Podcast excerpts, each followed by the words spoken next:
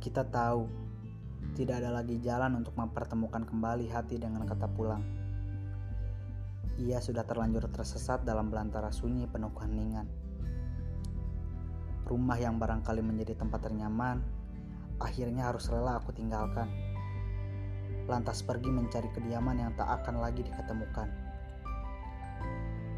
Dalam parade kata yang kukirim diam-diam, tak lupa aku sematkan doa dalam sujudku kepada Tuhan ia akan setia menghiasi langit-langit dalam bunga tidurmu setiap malam.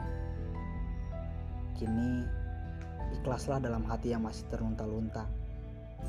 Biarkan kepergian ini menjadi tanda bahwa kita pernah saling, bahkan teramat sering menguatkan. Kata terakhir, ku percayakan pada ilahi, maha pengatur rencana.